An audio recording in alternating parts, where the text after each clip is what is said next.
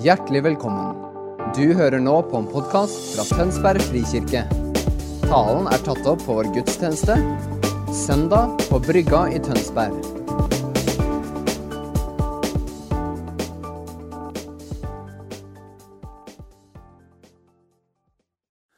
Vi skal inn i dette temaet Vi tror på Den hellige ånd som eh, helliggjør oss.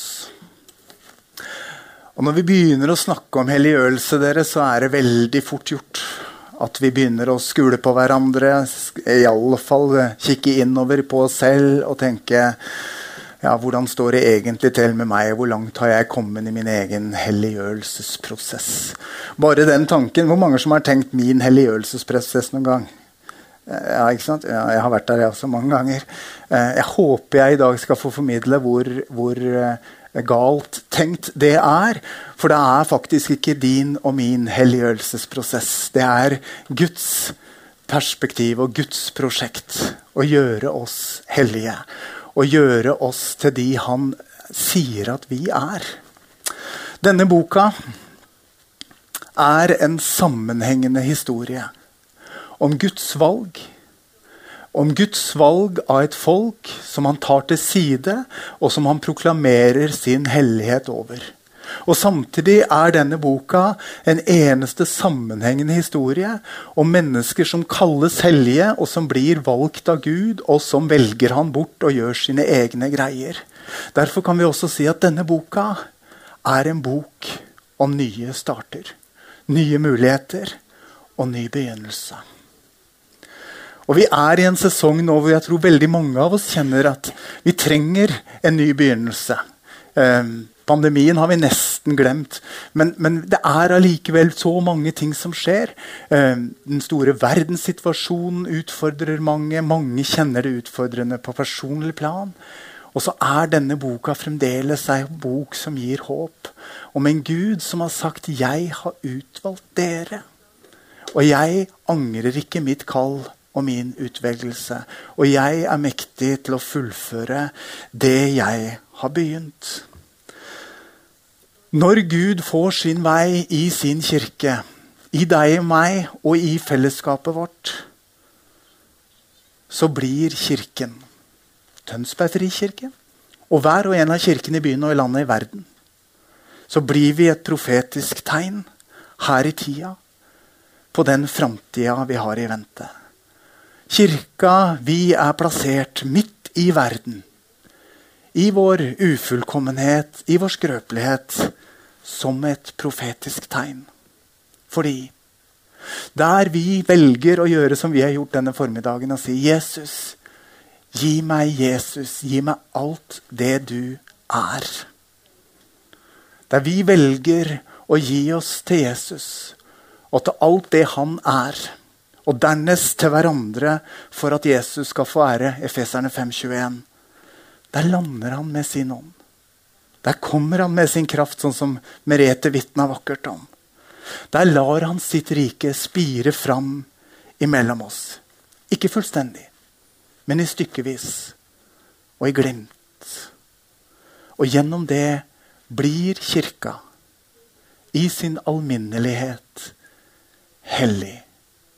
Vi tror på Den hellige ånd, en hellig allmenn kirke eller om du vil, en hellig, helt alminnelig kirke. Der er vi. Som Guds folk i denne tida. Som et profetisk tegn på at den Gud som satte det hele i gang, han har ikke gitt opp sitt prosjekt. Og han har tenkt å fullføre det. Og han vil ha med deg, og han vil ha med meg. Vi eh, hørte Romerne 12 lest i dag. Og jeg har lyst til å gjenta de to første versene en gang til. Derfor formaner jeg dere ved Guds barmhjertighet, søsken. Bær kroppen fram som et levende og hellig offer til glede for Gud. Det skal være deres åndelige gudstjeneste. La meg stoppe der et øyeblikk. De av dere som var på Viken fikk med dere undervisningen både fredag og lørdag der. Fikk med dere sannheten i at vi ønsker å holde det som vi vanligvis kaller det åndelige, sammen med det som vi vanligvis kaller det menneskelige, og si at det er ikke noe som er åndelig, og noe som er menneskelig. Mange av oss i vår forsamling liker de sterke lovsangstundene hvor vi kjenner gåsehuden på ryggen, og hvor det kommer et profetisk budskap, og vi kjenner det beveger seg i salen. Og så tenker vi nå er virkelig Gud sterkt til stede, og nå går vi med Gud. Men Johannes 1 sier Og ordet ble menneske og tok bolig iblant oss. Og vi så hans herlighet, den herlighet den enbårne sønn har fra sin far, full av nåde og sannhet. Sann kristen tro holder det åndelige og det fysiske, rent menneskelige sammen. Vi er ikke bare født på ny i vår ånd. Vi er med alt det vi er og har, til behag for Gud. Og alt det vi lever, og alt det vi er, er vår gudstjeneste. Jeg skal si det en gang til. Bær kroppen fram som et hellig offer til glede for Gud. Det skal være deres åndelige gudstjeneste. Det kan du huske på den gangen du står, neste gang når du står i kassa eh, og betaler varene dine, og du har muligheten til å gi et ekstra smil eller være til velsignelse. Det kan du tenke på i en litt vanskelig passasje i en eller annen situasjon du står i med et menneske. Det kan du tenke på når du gjør familieliv. Det kan du tenke på når du tar deg en sydentur. At når du ligger der på stranda, så er du like mye i Guds plan. Og måten du og jeg velger å si 'Jesus, her er jeg med mitt liv og min dag'. Ha din vei i meg og gjennom meg denne dagen så blir det ikke mer åndelig enn det. Uansett hvor vi befinner oss. Dette ordet holder det sammen. Og så kommer det Innrett dere ikke etter den nåværende verden, men la dere forvandle ved at sinnet fornyes. Så dere kan dømme om hva som er Guds vilje. Det gode. Det som er til glede for Gud, og det fullkomne.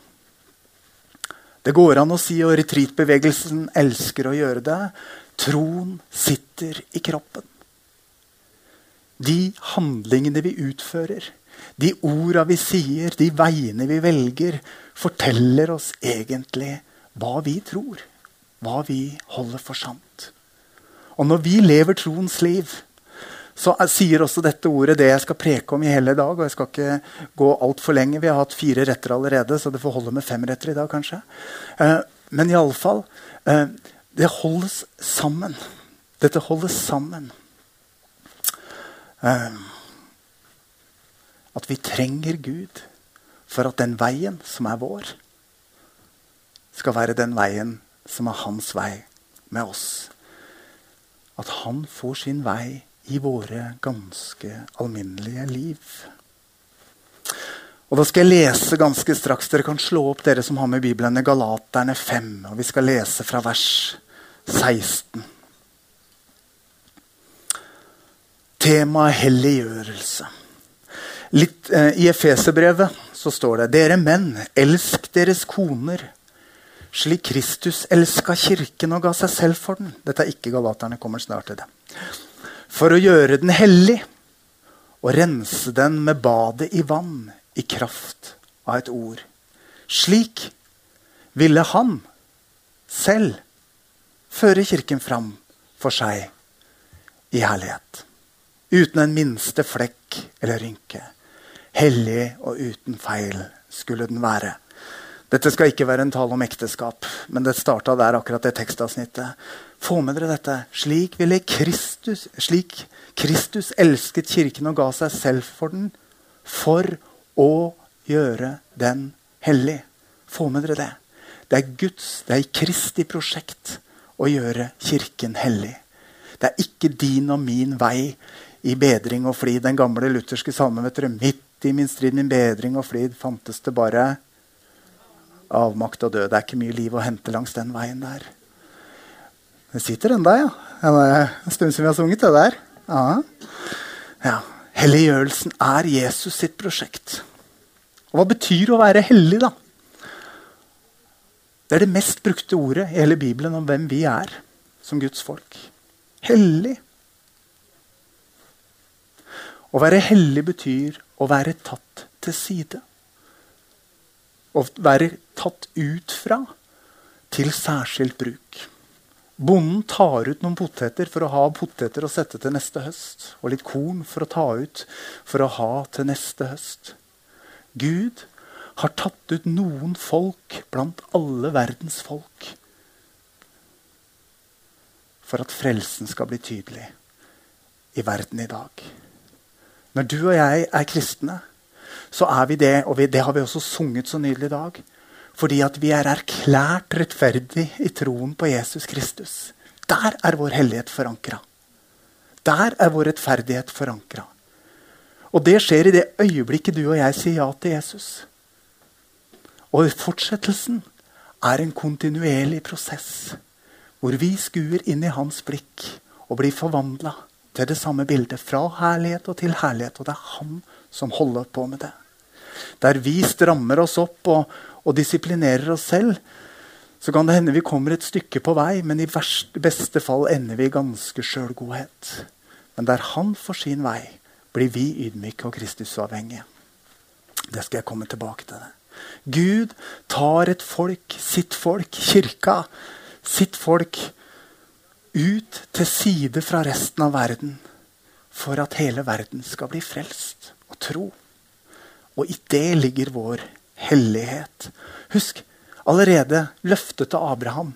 I deg skal alle verdens slekter velsignes. Husk på det, dere, neste gang dere tenker at kristenlivet handler om deg og din himmelbillett. har jo aldri handla om det. I det øyeblikk du og jeg får troen og gaven å bli poda inn på dette livssamfunnet med Jesus, så er vi valgt som sendebud for ham sendebud og et vitnesbyrd og et profetisk tegn i verden om en Gud som elsker, og som vil ha med alle hjem. Galaterne 5, la oss lese det sammen fra vers 16. Jeg sier dere, lev et liv i ånden. Da følger dere ikke begjær i menneskets kjøtt og blod, for kjøttets begjær står ånden imot, og åndens begjær står imot kjøttet. Disse ligger i strid med hverandre, så dere ikke kan gjøre det dere vil. Men blir dere drevet av ånden, da er dere ikke under loven. Det er klart hva slags gjerninger som kommer av kjøttet. Hor, umoral, utskeielser, avgudsdyrkelse, trolldom, fiendskap, strid, sjalusi, sinne, selvhevdelse, stridigheter, splittelse, misunnelse, fyll og festing og mer av samme slag. Jeg har sagt det før, og jeg sier det igjen. De som driver med slikt, skal ikke arve Guds rike.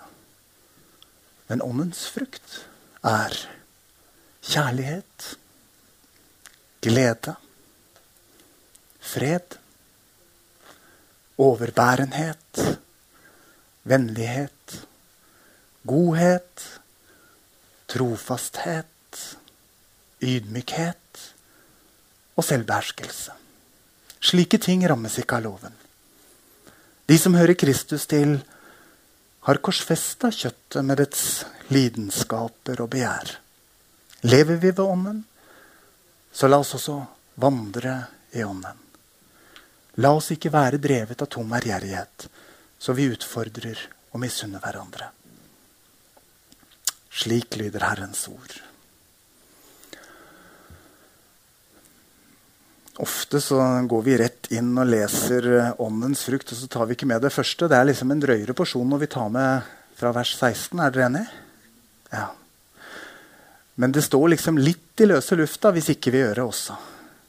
Hva er egentlig åndens agenda med deg og meg? På nytestamentlig gresk så har vi mange ord for hva ånden holder på med, men ett av dem er parakaleo.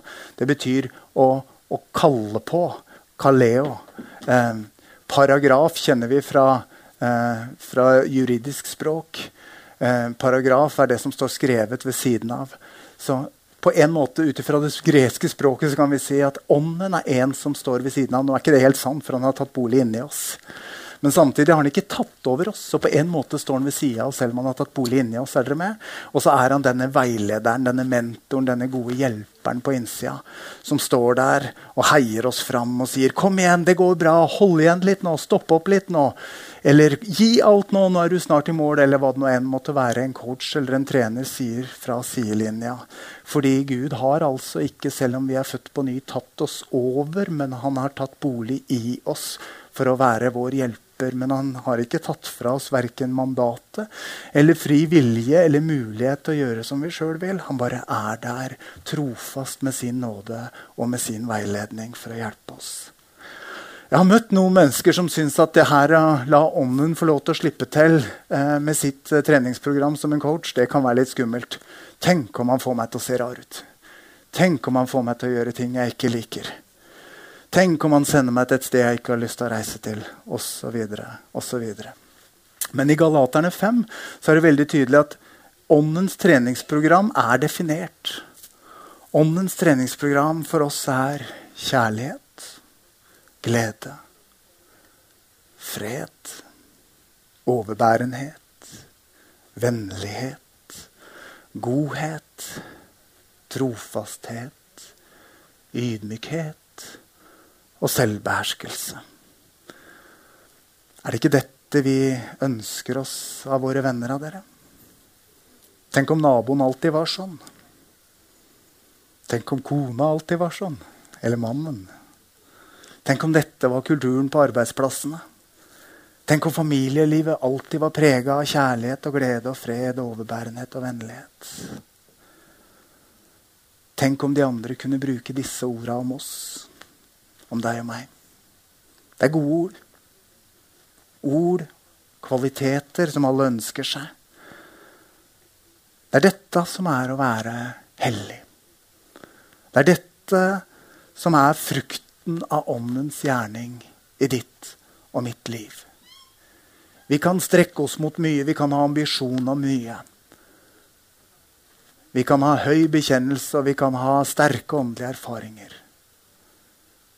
Men hvis noe av dette framtrer i livet våre, så vitner Ånden sjøl om sitt nærvær i våre liv.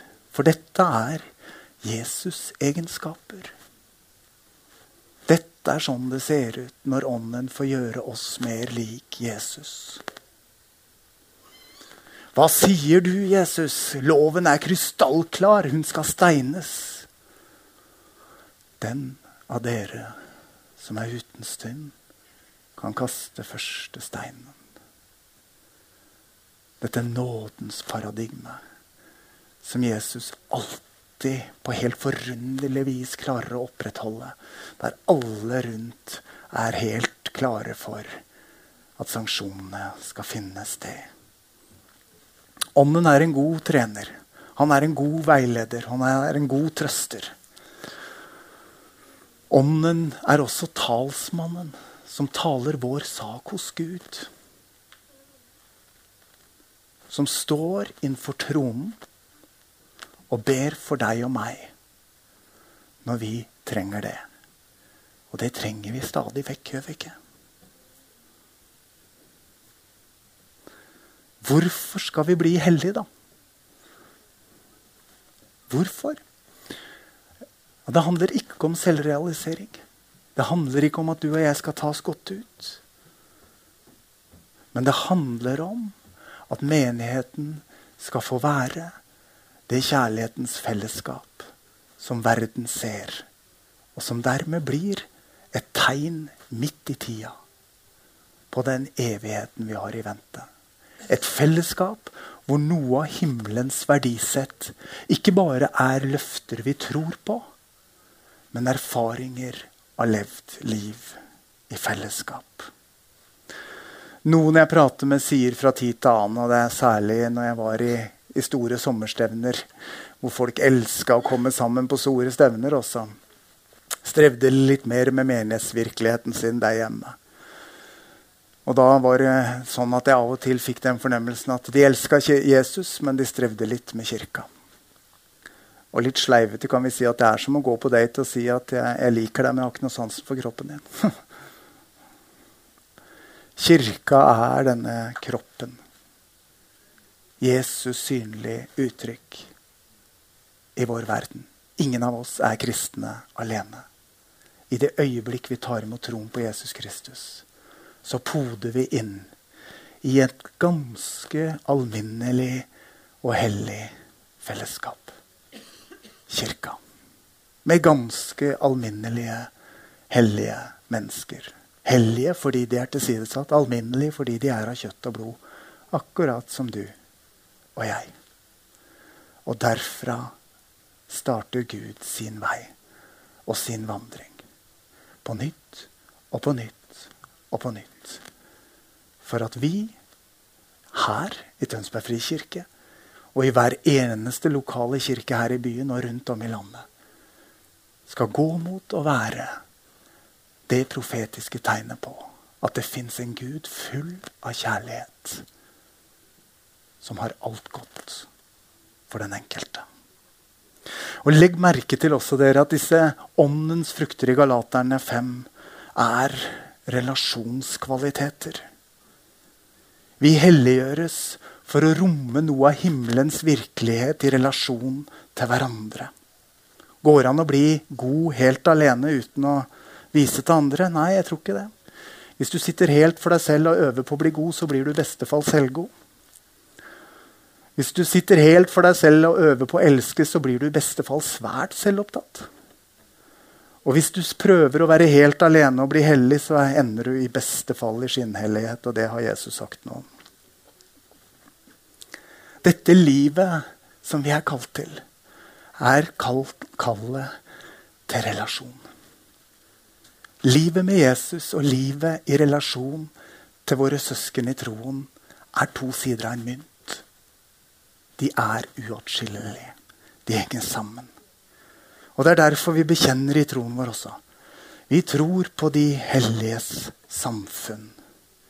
Fordi at sammen er vi de hellige som han ved sin ånd virker på, for at vi skal gjøre hans vilje i verden. La oss ta et par helt grensesprengende gudsrike verdier som Jesus gir oss i Matteus 5. Vende det andre kinnet til. Gå en ekstra mil med noen som allerede har tvunget deg til å gå tur en hel mil. Og som sier vi går én mil til. Ja, Dette setter Jesus ord på. Dette er ikke menneskelige responser. dere. Dette gjør vi bare hvis Den hellige ånd skaper en vilje i oss til å gjøre det. Og Jeg vet jeg snakker inn i livet til mange av dere når jeg sier dere har mange ganger gjort valg i tråd med hva Den hellige ånd har vist dere. Det var ikke det dere hadde mest lyst til. Det var ikke det dere hadde mest ønske om. Det hadde vært lettere for dere tatt en annen vei. Men i lydighet mot det Den hellige ånd viste dere, så sa dere ikke 'min vei, men din vei, Gud'. Og så tok Gud dere til et sted som gjorde at dere fikk tilgang på noe av Hans rikes virkelighet som dere aldri hadde fått til hvis dere gikk i egen kraft. Jeg kjenner så mange av dere så godt at jeg vet det er sant. Dette er den virkeligheten vi beveger oss i. Hvor vi når det skjer, ikke har noe å rose oss for. Fordi at, at vi kom dit, er bare hans ære. Det var han som dro oss dit. Men vårt bidrag var at vi var villige til å bære kroppen fram som et hellig, levende offer. Ha din vei i mitt liv i min familie, i min økonomi.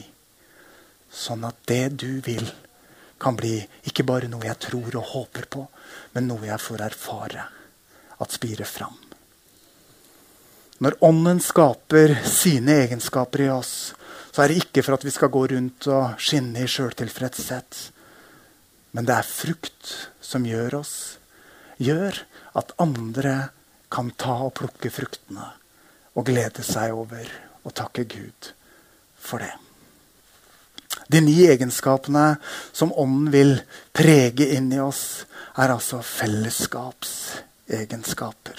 Det handler om ting vi kan få gi til andre ved at Gud har fått gjøre det og gi det til oss først.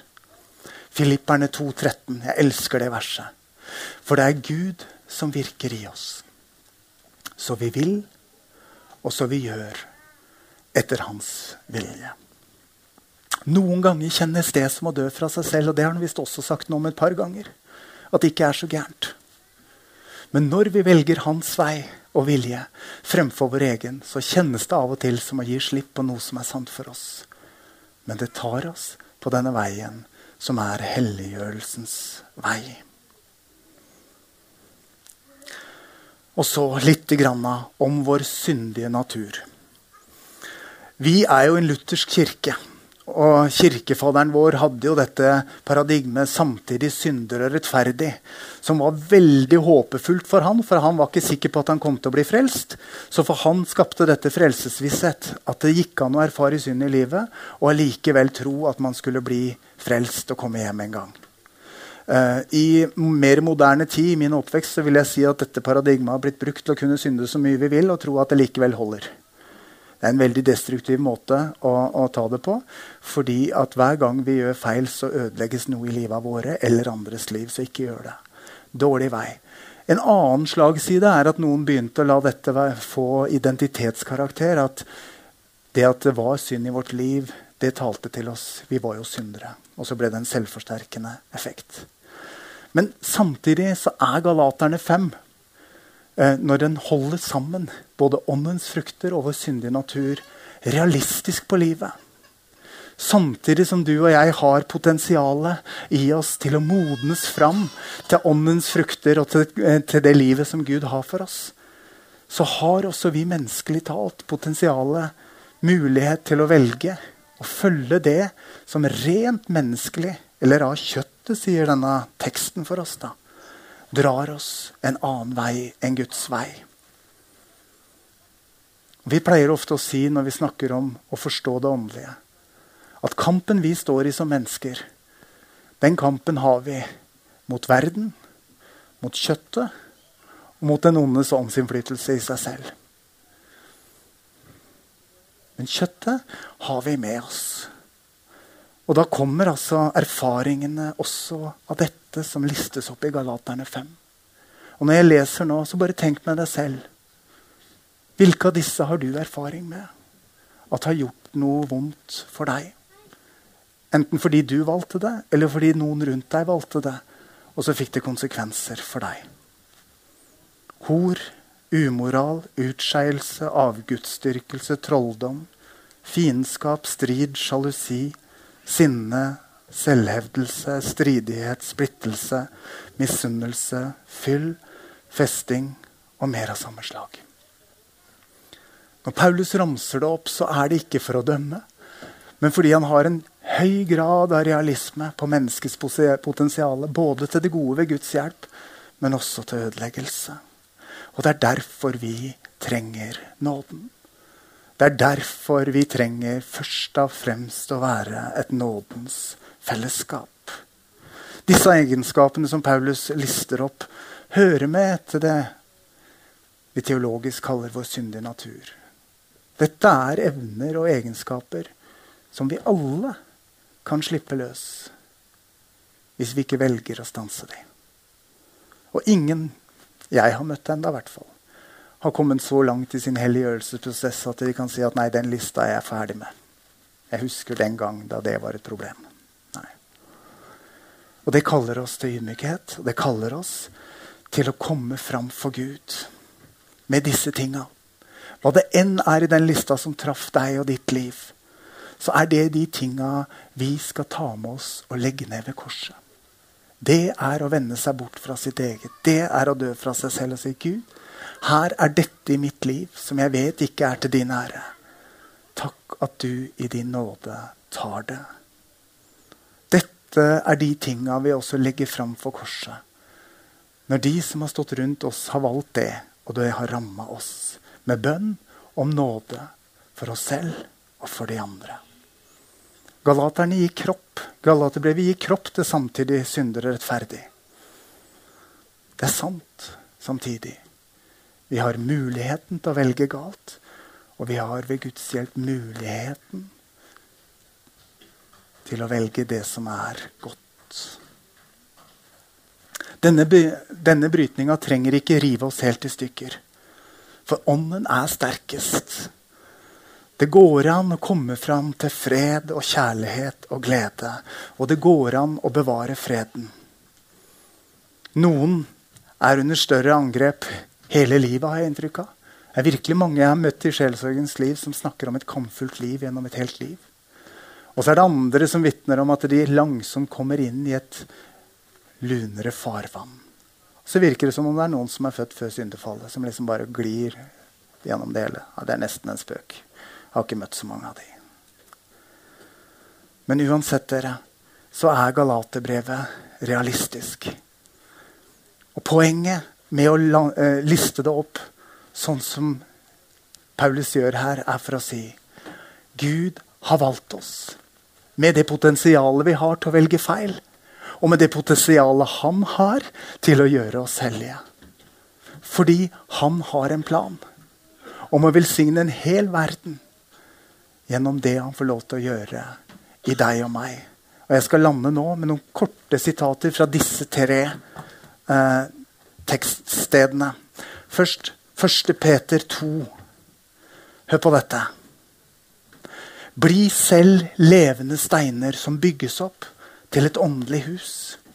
Bli et hellig presteskap og bær fram åndelige gaver som Gud tar imot med glede ved Jesus Kristus. Og Efeserne 3.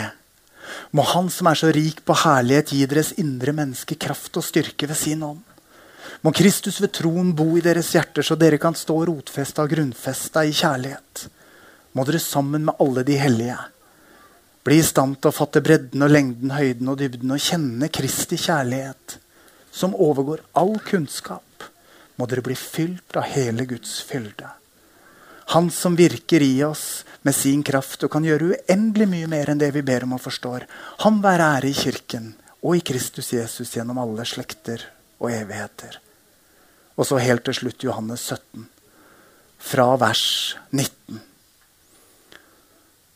Som du har sendt meg til verden, har jeg sendt dem til verden. Jeg helliger meg for dem, så også de skal helliges i sannheten.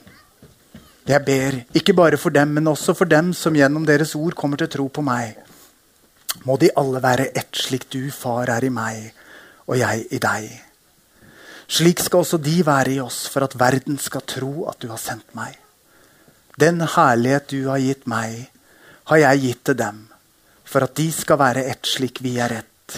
Jeg i dem og du i meg, så de helt og fullt kan være ett. Da skal verden skjønne at du har sendt meg. At du har elsket dem slik som du har elsket meg. Helliggjørelsen er en kontinuerlig prosess av Guds nådestrøm imot oss som fellesskap og inn i våre liv som enkeltmennesker. På søndagene når vi møtes, i aktivitetene når vi møtes, men like mye i familielivet, arbeidslivet og hverdagsmangfoldighet. Guds nåde er blitt åpenbart til frelse for alle mennesker, sier Titus. Og Guds nåde oppdrar oss. Det handler ikke om bedring og flid, men det handler om Guds vei og Guds vilje for oss. Vi blir velsigna av det, men fremfor alt gjøres vi til et folk som er til velsignelse. Nå setter jeg opp det lenge siden sist. Bare noen ord til ettertanke. Og i det lovsangstivet begynner å spille og synge nå, så kan du få lov til å tenke etter. Hva er det ånden har pirka borti i ditt liv i dag? Ikke hva Morten formulerte, eller hva Morten sa. Men hva har Den hellige ånd pirka borti i ditt liv? Inviter han til å komme og berøre deg videre på den plassen hvor han har pirka borti livet ditt. La han stelle med deg.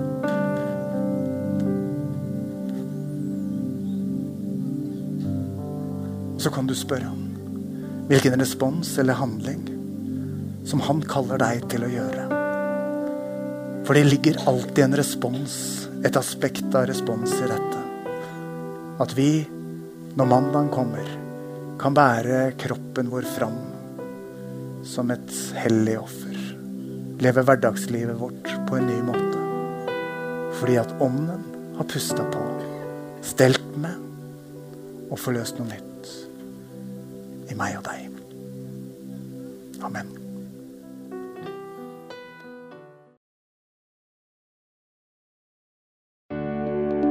Takk for at du hørte på vår podkast. Har du spørsmål eller ønsker du å vite mer?